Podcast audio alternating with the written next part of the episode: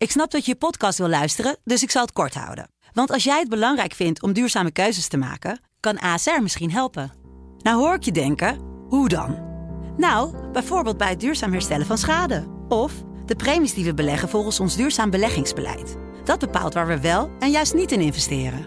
Wil je meer weten over welke duurzame keuzes ASR maakt? Ga dan naar asr.nl slash duurzame keuzes. ASR doet het. Zo, dan kan je nu lekker naar je podcast luisteren. Ken je Eva? Eva is een vrouw die in het verleden niet de beste keuzes maakte als het op de mannen aankwam. Na de laatste teleurstellende relatie en het moeten opgeven van haar kinderwens besluit ze dat het helemaal anders moet. Een vaste relatie, daar is ze klaar mee. En dus is Eva aan het daten geslagen. Dit is het Dagboek van Eva. Een podcast van Vrouw. Vrijdag. Marloes bestelt een tweede fles wijn en ik voel mijn hoofd licht worden. We zitten in een restaurant waar ze de eigenaar kent. Fijne tent hier. Ik kan er stomdronken uitrollen en toch een minimale drankrekening krijgen, zegt ze met een knipoog. En niet veel later wordt haar verhaal bevestigd als de eigenaar zelf de fles aan tafel ontkurkt en ons bijschenkt. Deze is van het huismop. Wat gaan jullie doen vanavond? Als je hier nog minimaal een uurtje blijft, kunnen we wat met z'n allen in de stad gaan doen. Ik zie hoe hij naar Marloes kijkt en dan valt het kwartje. Ze doen het met elkaar. Marloes neemt met een verleidelijke blik een slok van haar wijn. Ze keurt hem met een vermakelijk stukje theater goed en dan tikt ze mij onder tafel aan. Lijkt dat je wat, Eve? Harold weet wel waar je moet zijn als je nog een beetje mee wilt tellen. Ik geloof het direct. Harold is een typische horecaman. Gulle lach, bruin hoofd en een veel te groot horloge en een vlotte babbel. Die zal ons echt niet meenemen naar een lullig kroegje. Ik twijfel. Ik weet dat het een latertje gaat worden als ik deze uitnodiging aanneem. En was eigenlijk van plan morgen een dagje sauna te doen. Dat vind ik helemaal niks als ik een kater heb. Maar de verleiding van een avond flink stappen kan ik niet heel goed weerstaan. Lijkt me gezellig, zeg ik dan. Leuk, zegt Harold. Dan vraag ik of Jules ook meegaat. Zaterdag. Jules is een man. En wat voor man. Vijf jaar jonger dan ik, meer dan prachtig, vol complimentjes, maar hartstikke fout. Hij werkt als bedrijfsleider in een van de restaurants van Harold, maar daarbuiten begeeft hij zich in een schimmig wereldje, als je het mij vraagt. Er klopt iets niet aan hem. Hij zegt dat hij nog single is, maar ondertussen kan hij iedere vrouw krijgen. Ik vertrouw hem voor geen meter en toch ben ik vannacht met hem meegegaan. Dit is dus wat ze bedoelen met aantrekkingskracht. Ineens begrijp ik vrouwen die op foute mannen vallen. Je vraagt ze maar niet te veel, omdat je weet dat je het juiste antwoord toch nooit te horen krijgt. En je wilt het ook helemaal niet weten wat ze uitspoken. Het enige dat je wil, is dat ze je beminnen. En dat heeft hij gedaan. Ik kijk om me heen naar het gave appartement waar hij woont. Een echt mannenappartement. Maar wel met heel veel smaak ingericht. Industrieel met een strakke touch. Ik heb hoofdpijn en een droge mond. Op mijn telefoon zie ik dat het al laat in de ochtend is. Jules ligt nog naast me te slapen. Het liefst blijf ik liggen, omdat ik nog ontzettend moe ben, maar ik voel dat ik hier niet thuis hoor. Hier horen jonge, veel te mooie meiden te liggen. Als hij zo wakker wordt en mij naast zich ziet, is hij vast teleurgesteld. Ik had nu ook in een sauna kunnen zitten, schiet het door mijn hoofd. Ben ik niet veel te oud voor dit soort one-night stands? Dan valt mijn oog op een nog niet eerder gelezen bericht. Het is Wart, de man die ik op Tinder was tegengekomen. Ook dat nog. Mijn leven is zo rommelig momenteel. Op dit soort momenten verlang ik naar één man. Voor altijd van mij. Samen op de bank met een labrador. Twee dezelfde fietsen en matching regenjassen desnoods. Als ik een minuut later ineens Jules' hand over mijn billen voel glijden, vergeet ik de labrador en de matching regenjassen. Dinsdag. Zullen we zaterdag naar Artes gaan? Ik verslik me bijna in mijn koffie als ik Wart's appje lees. We hebben elkaar nog steeds niet gezien, zelfs nog niet gesproken. Het contact verloopt alleen via WhatsApp en onze conversaties zijn uitermate onderhoudend. Ik moet erg om hem lachen en ben ook wel nieuwsgierig naar deze man. Maar na mijn escapades van afgelopen weekend, waarbij ik na een avond stappen met een type extreem foute man in bed belandde, heb ik me voorgenomen om het even wat rustiger aan te doen. Het kan ook wel wat minder, met dat losbandige gedrag, vind ik.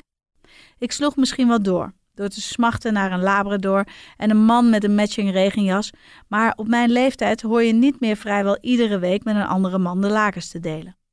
Artus. Ik kan me echt niet heugen dat ik in een dierentuin was. Ik vind het ook echt een kinderding. Wat moet een volwassen vrouw zonder kinderen nou tussen de apen en de zeehonden? Het heeft het seksappeal van een schuurspons. Nou, misschien moet ik het juist daarom wel doen, bedenk ik me dan. Met Wart heb ik nu al weken en dat is een unicum. Het is geen unicum dat ik al weken met een man heb, maar wel dat ik met die bewuste man nog geen seks heb gehad. Artes? Vraagteken, vraagteken, vraagteken. Tik ik wat plagerig terug. Terwijl ik op mijn scherm zie dat Wart een bericht aan het schrijven is, zet ik snel een espresso. Ik ben nog niet helemaal fris en fruitig na het weekend. Mijn vermoeidheid blijft wat hangen. Artis, ja. Je komt op zich lollig en ad rem over op WhatsApp, maar je moet je natuurlijk nog wel in real life zien te bewijzen. Mocht het nou zo zijn dat je tegenvalt, kan ik me vergapen aan een stel ringstaartmakies of een groep flamingo's. Ik schiet in een lach. Hij heeft nog gelijk ook. In een dierentuin zul je niet zo snel op awkward stilte stuiten. We spreken een tijd af en ik merk aan mezelf dat ik er zo waar zin in begin te krijgen. In het iets wat burgerlijke weekend dat me te wachten staat. Zaterdag. Geheel tegen de verwachting in heb ik de afgelopen dagen al meerdere telefoontjes en berichtjes van Jules gehad. Hij heeft zelfs een bos rozen bij me thuis laten bezorgen. Een prima vent voor een one-night stand. Hoewel ik zelfs daarin betere keuzes heb gemaakt in mijn leven. Maar ik moet er echt niets van hebben dat hij me nu ook zo achterna loopt. Ivo vindt dat ik het hem gewoon duidelijk moet laten merken. En ook Marloes wint er geen doekjes om. De deksel op de neus drukken, die man. Maar iets zegt mij dat Jules zich niet eenvoudig laat afschepen. Het zou me niks verbazen als zijn enorme ego hem in de weg zit als het aankomt op een afwijzing. Gelukkig heb ik hem voor nu met wat smoesjes buiten de deur weten te houden. Ik heb namelijk iets heel anders aan mijn hoofd.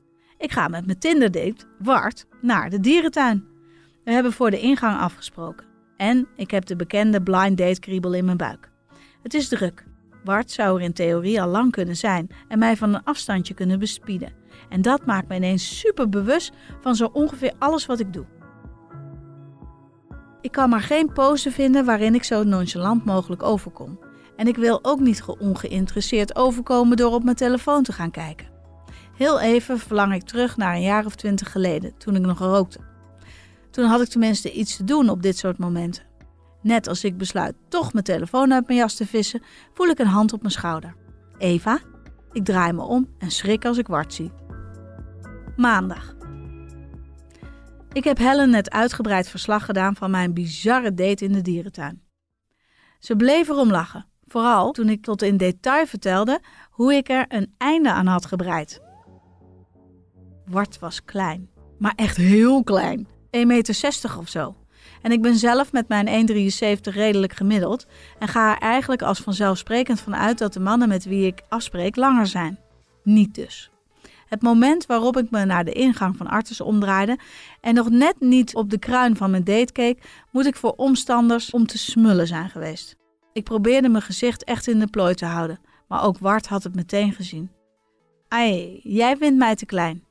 Ik kreeg meteen drie opvliegers achter elkaar en wist niet zo goed hoe ik daarop moest reageren. Hoe oppervlakkig ben je als je een man afschiet op een paar centimeter? Ik stamelde iets als: Wel nee joh, en ondertussen vroeg ik me af of het gepast zou zijn om gewoon niets meer te zeggen en weg te lopen. Er zou veel gaan gebeuren, maar ik zou never nooit met deze smurf in bed belanden. Niet dat dat nou het doel van de bijeenkomst was, maar ik was van tevoren ook zeker niet van plan het alleen bij een lesje dierkunde te houden. Bart bleek niet alleen klein, maar ook nog eens traag.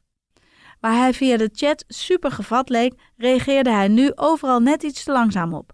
Hij wilde van zo ongeveer ieder dier weten wat ze precies aten, hoe oud ze konden worden en waar ze in het wild voorkwamen.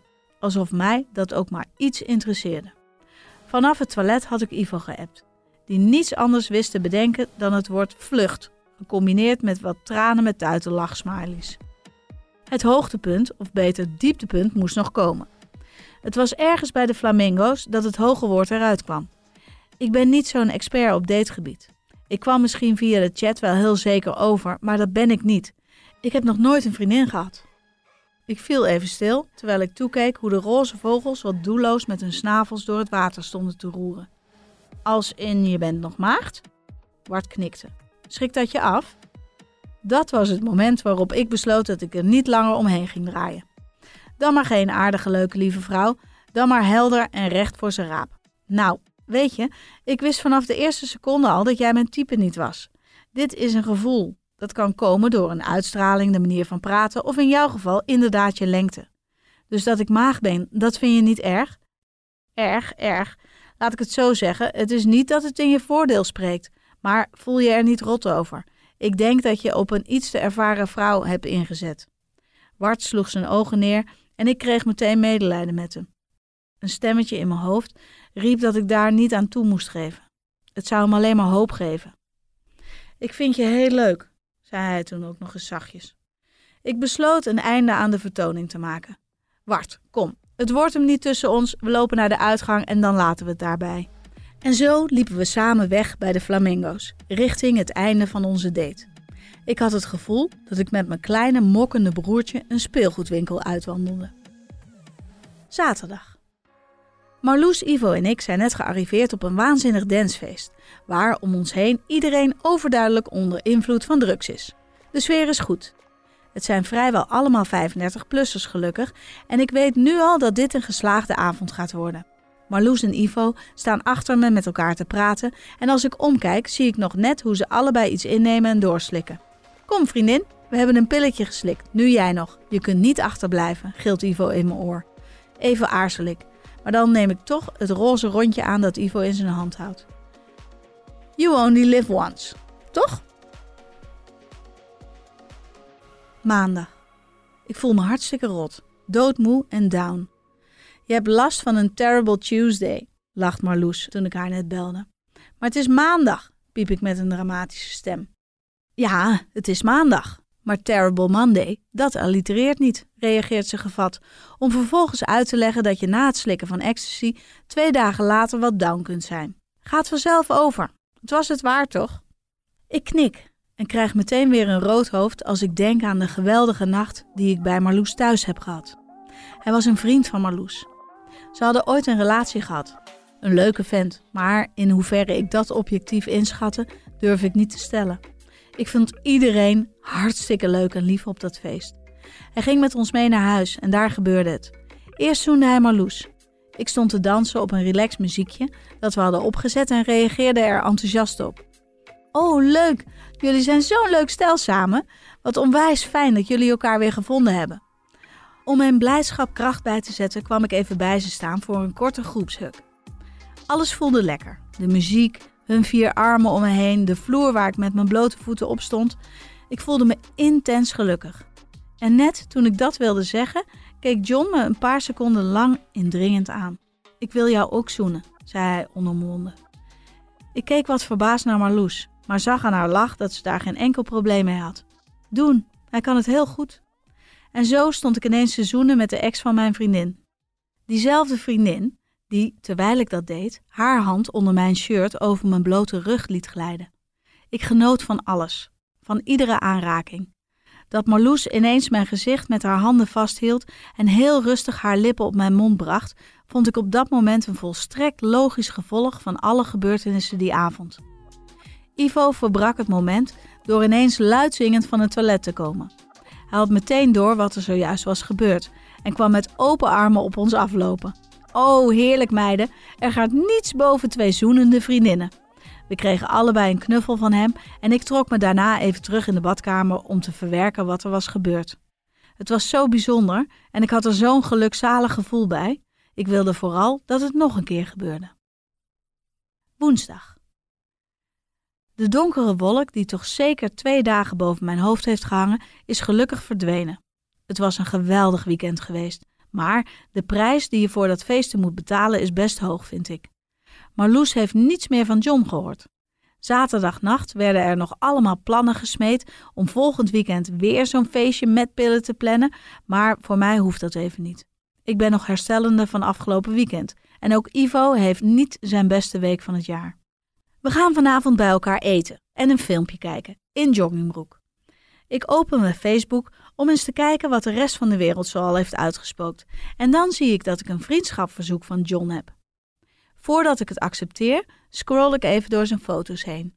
Het is echt een leuke man om te zien, Maar wel eentje die behoorlijk van feesten houdt. Geen kinderen, geen vaste relatie, veel drugs gok ik. Kort nadat ik op accepteren heb geklikt, krijg ik een berichtje. hey, mooie vrouw, wat hebben we het leuk gehad, hè? Meteen denk ik terug aan het moment waarop hij mij kort na de zoom met Marloes in de badkamer kwam opzoeken. Als Marloes dus wist wat er toen gebeurde. Wil je de volgende aflevering van het dagboek van Eva niet missen? Abonneer je dan in je favoriete podcast-app.